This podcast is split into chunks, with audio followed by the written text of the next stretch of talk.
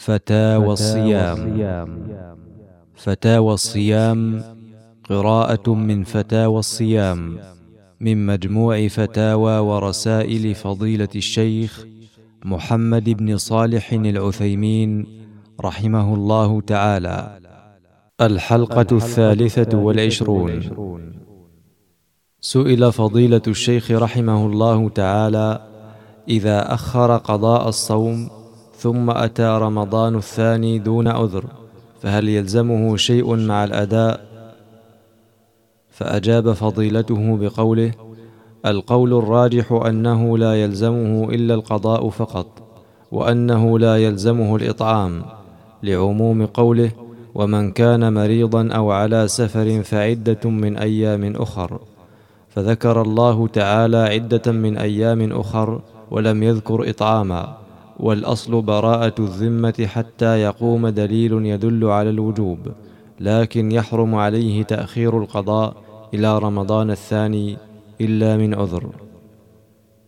سئل فضيلة الشيخ رحمه الله تعالى امرأة أفطرت في رمضان للنفاس ولم تستطع القضاء من أجل الرضاع حتى دخل رمضان الثاني فماذا يجب عليها؟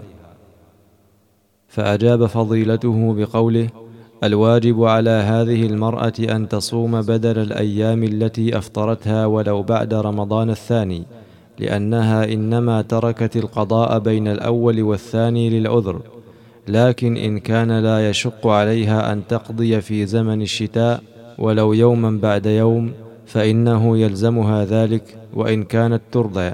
فلتحرص ما استطاعت على أن تقضي رمضان الذي مضى قبل أن يأتي رمضان الثاني فإن لم يحصل لها فلا حرج عليها أن تؤخره إلى رمضان الثاني.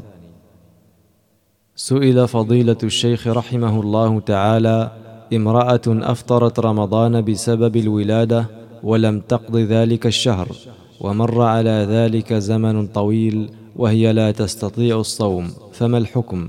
أفتونا مغفورا لكم. فأجاب فضيلته بقوله الواجب على هذه المرأة أن تتوب إلى الله مما صنعت لأنه لا يحل للإنسان أن يؤخر قضاء رمضان إلى رمضان آخر إلا لعذر شرعي فعليها أن تتوب. ثم إن كانت تستطيع الصوم ولو يوما بعد يوم فلتصم وإن كانت لا تستطيع فينظر إن كان لعذر مستمر أطعمت على كل يوم مسكينا. وإن كان لعذر طارئ يرجى زواله انتظرت حتى يزول ذلك العذر ثم قضت ما عليها. سئل فضيلة الشيخ رحمه الله تعالى عن امرأة تقول إني منذ وجب علي الصيام أصوم رمضان ولكني لا أقضي الأيام التي أفطرها بسبب الدورة الشهرية ولجهلي بعدد الأيام التي أفطرتها فإني أطلب إرشادي إلى ما يجب علي فعله الآن. فأجاب فضيلته بقوله يؤسفنا أن يقع مثل هذا بين نساء المؤمنين فإن ترك قضاء ما يجب عليها من الصيام إما أن يكون جهلا وإما أن يكون تهاونا وكلاهما مصيبة لأن الجهل دواؤه العلم والسؤال. وأما التهاون فإن دواءه تقوى الله عز وجل ومراقبته والخوف من عقابه والمبادرة إلى ما فيه رضاه سبحانه وتعالى. فعلى هذه المرأة أن تتوب إلى الله عز وجل مما صنعت وأن تستغفر وأن تتحرى الأيام التي تركتها بقدر استطاعتها فتقضيها. وبهذا تبرأ ذمتها ونرجو لها أن يقبل الله سبحانه وتعالى توبتها. سئل فضيلة الشيخ رحمه الله تعالى امرأة أفطرت في رمضان سبعة أيام وهي نفساء ولم تقض حتى أتاها رمضان الثاني وطافها من رمضان الثاني سبعة أيام وهي مرضع ولم تقض بحجة مرض عندها. فماذا عليها وقد أوشك دخول رمضان الثالث؟ أفيدونا أثابكم الله.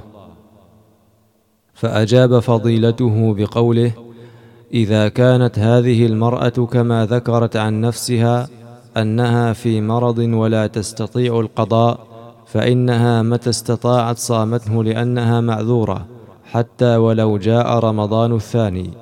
أما إذا كان لا عذر لها وإنما تتعلل وتتهاون فإنه لا يجوز لها أن تؤخر قضاء رمضان إلى رمضان الثاني. قالت عائشة رضي الله عنها كان يكون علي الصوم فما أستطيع أن أقضيه إلا في شعبان وعلى هذا فعلى المرأة هذه أن تنظر في نفسها. إذا كان لا عذر لها فهي آثمة وعليها أن تتوب إلى الله وأن تبادر بقضاء ما في ذمتها من الصيام وإن كانت معذورة فلا حرج عليها ولو تأخرت سنة أو سنتين ثم تقضي. سئل فضيلة الشيخ رحمه الله تعالى لي بنت تعبت وفاتها صوم بعض رمضان الماضي تقول هل عليها صدقة أو لا؟ فأجاب فضيلته بقوله ليس عليها صدقة. لقول الله تعالى فمن كان منكم مريضا أو على سفر فعدة من أيام أخر ولم يذكر الله الصدقة. سئل فضيلة الشيخ رحمه الله تعالى ما حكم تقديم كفارة فطر شهر رمضان كاملا لامرأة حامل كانت تتوقع عدم قدرتها على الصيام ولكنها صامت الشيء اليسير منه؟ ولا تحصي عدد الأيام التي لم تصمها. فأجاب فضيلته بقوله الواجب عليها أن تتحرى الأيام التي أفطرتها وتصومها. سئل فضيلة الشيخ رحمه الله تعالى رجل صام من رمضان وأفطر يوما للسفر وأتى رمضان آخر ونسي قضاء ذلك اليوم ويريد أن يقضي الصيام. فهل عليه إثم؟ وهل يجب عليه إطعام مسكين عن تأخير الصيام؟ جزاكم الله خيرا. فأجاب فضيلته بقوله إذا ترك الإنسان قضاء رمضان إلى رمضان الثاني بلا عذر فهو آثم وعليه أن يقضي ما فاته ولا إطعام عليه على القول الصحيح لأن الله تعالى قال ومن كان مريضا أو على سفر فعدة من أيام أخر ولم يذكر الله الإطعام ولم يقيده بشرط فلا يجب عليه إلا القضاء فقط. أما إذا أخره لعذر مثل هذا الرجل فإنه نسي هذا اليوم وقد ينسى الإنسان أن عليه يوما حتى يأتي رمضان ثم يذكر. فهذا إذا أخره نسيانا فلا إثم عليه ولكن لا بد من القضاء. سئل فضيلة الشيخ رحمه الله تعالى عن امرأة تقول بعد رمضان لحقني صيام بعض الأيام فقمت بتأخيرها إلى فصل الشتاء وذلك لأن الصيام يتعبني جدا وأحيانا لا أتحمله فصمت بعضها في شعبان وكنت أريد الإكمال فجاءتني الدورة على غير عادتي فجاء رمضان هذه السنة ولم أقض منها إلا ثلاثة أيام. وسؤالي ما الذي يجب علي أن أفعله؟ وما كفارة ذلك؟ وهل يلحقني إثم؟ فأجاب فضيلته بقوله ليس عليها كفارة وإنما عليها أن تصوم ما بقي عليها من القضاء فقط. وأما الإثم بتأخير القضاء فلا إثم عليها. لأن حيضتها أتت في غير وقتها فهي كانت تقدر أنها تصوم الأيام التي عليها بعدد أيامها التي عليها في رمضان ولكن الحيض جاء في غير وقته فامتنعت من الصيام وحينئذ تكون غير آثمة لأن لكل إنسان يجب عليه القضاء أن يؤخر القضاء إلى أن يبقى بينه وبين رمضان الثاني مقدار ما عليه من القضاء. وهذه قد فعلت فقد فعلت جائزا والذي فعل جائزا فلا إثم عليه. سئل فضيلة الشيخ رحمه الله تعالى تزوجت امرأة وعليها صيام عشرة أيام من رمضان فهل أفدي لها علما بأنها كانت ليست على ذمتي أم على والدها وهي الآن حامل في الشهر الثامن فهل تصوم؟ فأجاب فضيلته بقوله إذا ولدت فلتصم الأيام الثمانية التي عليها ولا فدية. سئل فضيلة الشيخ رحمه الله تعالى ما حكم من مات وعليه قضاء من شهر رمضان؟ فأجاب فضيلته بقوله إذا مات وعليه قضاء من شهر رمضان فإنه يصوم عنه وليه وهو قريبه. لحديث عائشة رضي الله عنها أن النبي صلى الله عليه وسلم قال من مات وعليه صيام صام عنه وليه فإن لم يصم وليه أطعم عنه عن كل يوم مسكينا.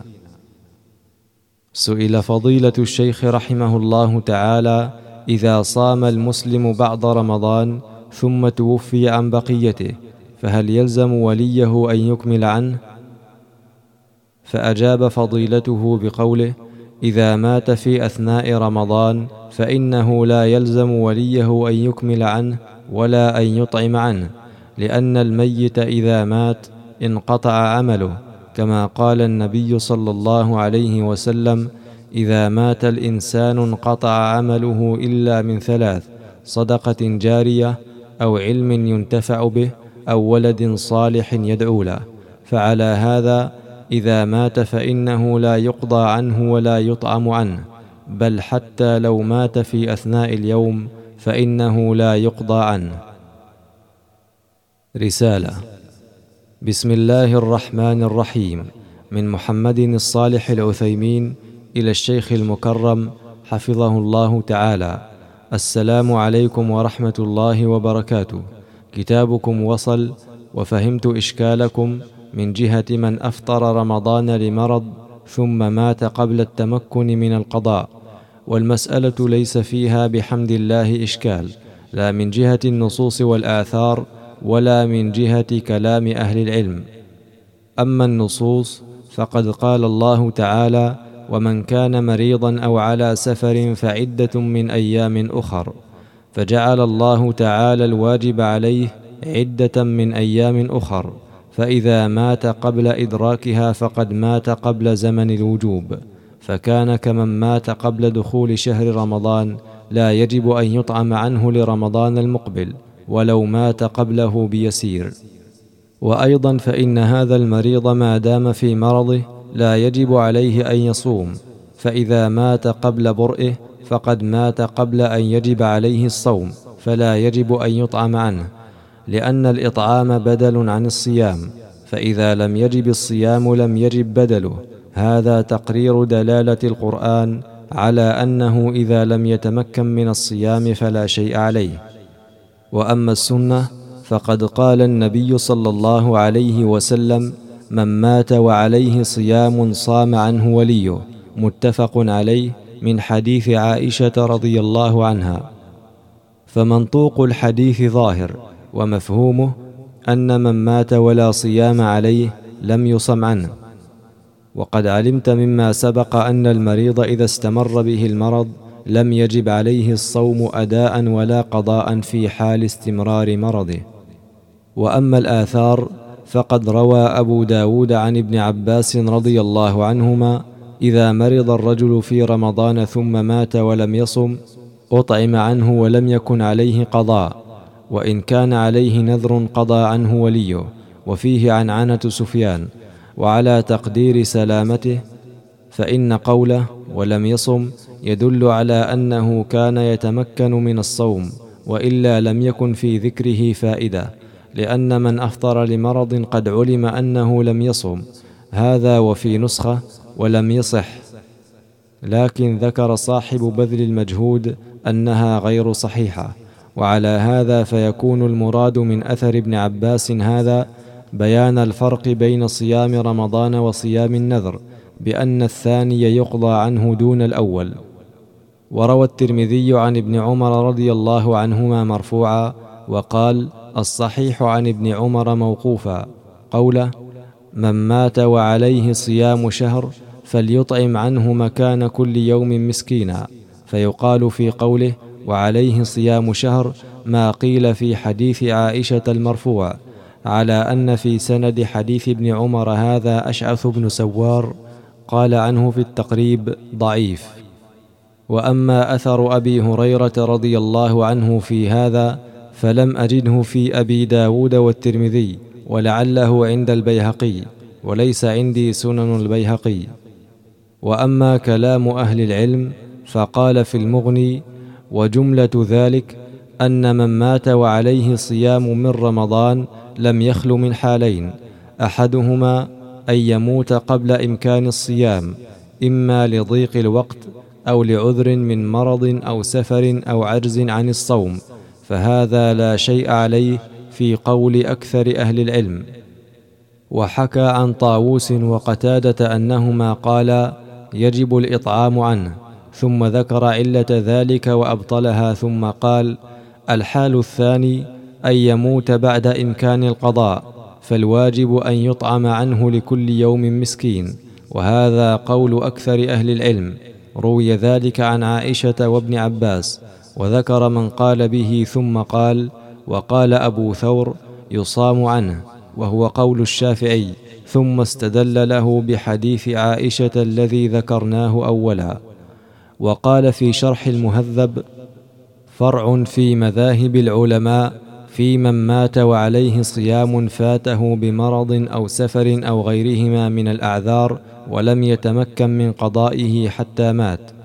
ذكرنا أن مذهبنا لا شيء عليه ولا يصام عنه ولا يطعم عنه بلا خلاف عندنا. وبه قال أبو حنيفة ومالك والجمهور قال العبدري وهو قول العلماء كافة إلا طاووسا وقتاده فقال يجب أن يطعم عنه لكل يوم مسكين ثم ذكر علة ذلك وأبطلها قال واحتج البيهقي وغيره من أصحابنا لمذهبنا بحديث أبي هريرة عن النبي صلى الله عليه وسلم قال إذا أمرتكم بأمر فأتوا منه ما استطعتم رواه البخاري ومسلم. ثم ذكر حال من تمكن من قضائه وذكر الخلاف هل يصام عنه أو يطعم؟ وقال قال ابن عباس وابن عمر وعائشة ومالك وأبو حنيفة والثوري يطعم عنه ولا يجوز الصيام عنه. وذكر عن ابن عباس أيضا التفريق بين النذر وصيام رمضان فيصام عن الأول ويطعم عن الثاني. وقال في الفروع وإن أخر القضاء حتى مات فإن كان لعذر فلا شيء عليه نص عليه وفاقا للأئمة الثلاثة لعدم الدليل. وفي المنتهى وشرحه ولا شيء عليه أي من أخر القضاء لعذر إن مات نصا لأنه حق لله تعالى وجب بالشرع مات قبل إمكان فعله فسقط إلى غير بدل كالحج. ونحو ذلك في الإقناع وشرحه. وبهذا تبين أنه لا إشكال في المسألة وأن الصوم لا يقضى عمن استمر عذره حتى مات وكذلك لا يطعم عنه إلا أن يكون مريضا مرضا لا يرجى زواله فيكون حينئذ كالكبير الذي لا يستطيع الصوم فيطعم عنه لأن هذا وجب عليه الإطعام في حال حياته بدلا عن الصوم. وليس في النفس مما قرره أهل العلم في هذا شيء وقد علمت مما كتبنا أنه يكاد يكون اجماعا لولا ما روي عن طاووس وقتادة. وأما مسألة طواف الوداع فالكلام عليها في ورقة أخرى. هذا والله يحفظكم والسلام عليكم ورحمة الله وبركاته. سئل فضيلة الشيخ رحمه الله تعالى هل أصلي لأبي المتوفى صلاة النافلة في الحرم وأتصدق عنه؟ وإذا مات وعليه صيام فهل أصوم عنه؟ فأجاب فضيلته بقوله نعم يجوز للإنسان أن يتصدق عن والده أو والدته أو أقاربه أو غير هؤلاء من المسلمين ولا فرق بين الصدقات والصلوات والصيام والحج وغيرها. ولكن السؤال الذي ينبغي أن نقوله هل هذا من الأمور المشروعة؟ أو من الأمور الجائزة غير المشروعة. نقول إن هذا من الأمور الجائزة غير المشروعة وأن المشروع في حق الولد أن يدعو لوالده دعاء إلا في الأمور المفروضة التي تدخلها النيابة فإنه يؤدي عن والده ما افترض الله عليه ولم يؤده كما لو مات والده وعليه صيام. فقد قال النبي صلى الله عليه وسلم من مات وعليه صوم صام عنه وليه ولا فرق في ذلك بين أن يكون الصيام صيام فرض بأصل الشرع كصيام رمضان أو إلزام الإنسان نفسه كما في صيام النذر والله أعلم. سئل فضيلة الشيخ رحمه الله تعالى هناك امرأة أنجبت في شهر رمضان منذ حوالي خمسين سنة ولم تقض صوم رمضان الشهر كاملا. علما أنها توفيت بعد الولادة بحوالي سنتين. هل يجوز لأقربائها الصيام؟ وهل له كفارة بعد هذه السنين؟ وما مقدار كفارة الشهر كاملا؟ فأجاب فضيلته بقوله نعم يجوز لأوليائها أن يصوموا عنها لقول النبي صلى الله عليه وسلم من مات وعليه صيام صام عنه وليه. فإن لم يصوموا أطعموا عن كل يوم مسكينا ولا تلزمهم كفارة للتأخير لأن القول الراجح أن تأخير القضاء إلى رمضان الثاني لا يوجب الكفارة لعدم الدليل الذي يقتضي ذلك. سئل فضيلة الشيخ رحمه الله تعالى إذا مات الإنسان وعليه صيام وصلاة فمن يقضيهما عنه؟ فأجاب فضيلته بقوله إذا مات الإنسان وعليه صيام فإنه يصوم عنه وليه. لقول النبي صلى الله عليه وسلم من مات وعليه صيام صام عنه وليه. قال أهل العلم وليه وارثه. فمثلا إذا كان رجل قد أفطر في رمضان لسفر أو لمرض ثم عافاه الله من المرض ولم يصم القضاء الذي عليه ثم مات فإن وليه يصوم عنه سواء كان ابنه أو أباه أو أمه أو ابنته المهم أن يكون من الورثة. وإن تبرع أحد غير الورثة فلا حرج عليه وإن لم يقم أحد بالصيام عنه فإنه يطعم من تركته لكل يوم مسكين. وأما الصلاة فإنه إذا مات أحد وعليه صلاة فإنها لا تصلى عنه. لأن ذلك لم يرد عن النبي صلى الله عليه وسلم ولا يصح قياس الصلاة على الصوم لأن الشارع فرق بينهما في مسائل كثيرة. فلما جاء الفرق بينهما في مسائل كثيرة لم يمكن قياس أحدهما على الآخر. لكن إذا مات الإنسان وعليه صلاة لم يقضها فإنه يدعى له بالمغفرة والرحمة والعفو عن تفريطه وإهماله. والله الموفق. رسالة بسم الله الرحمن الرحيم. من إلى جناب الوالد المكرم الشيخ محمد بن صالح العثيمين حفظه الله بطاعته آمين. السلام عليكم ورحمة الله وبركاته. على الدوام دمت محروسا آمين. أما بعد أمتعني الله في حياتك رجل في عام تسعين وثلاثمائة وألف مرض وأدخل المستشفى وجاءه شهر رمضان وهو في المستشفى ولا يستطيع الصوم وخرج من المستشفى ومشى في صحة وعليه صوم رمضان أي عام تسعين وثلاثمائة وألف. فلما جاء شعبان هذه السنة عام واحد وتسعين وثلاثمائة وألف مرض وفي رمضان عام واحد وتسعين وثلاثمائة وألف أغمي عليه ولم يفق وتوفي في شهر شوال من هذه السنة عام واحد وتسعين وثلاثمائة وألف.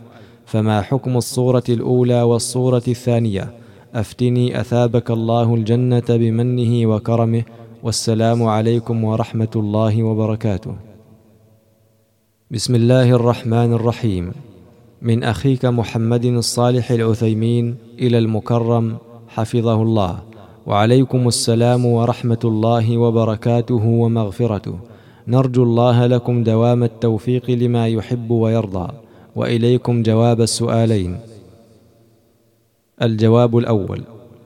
صيام رمضان عام تسعين وثلاثمائة وألف هجرية واجب في ذمة الميت. فإن أحب وليه وهو قريبه أن يصوم عنه فليصم عنه.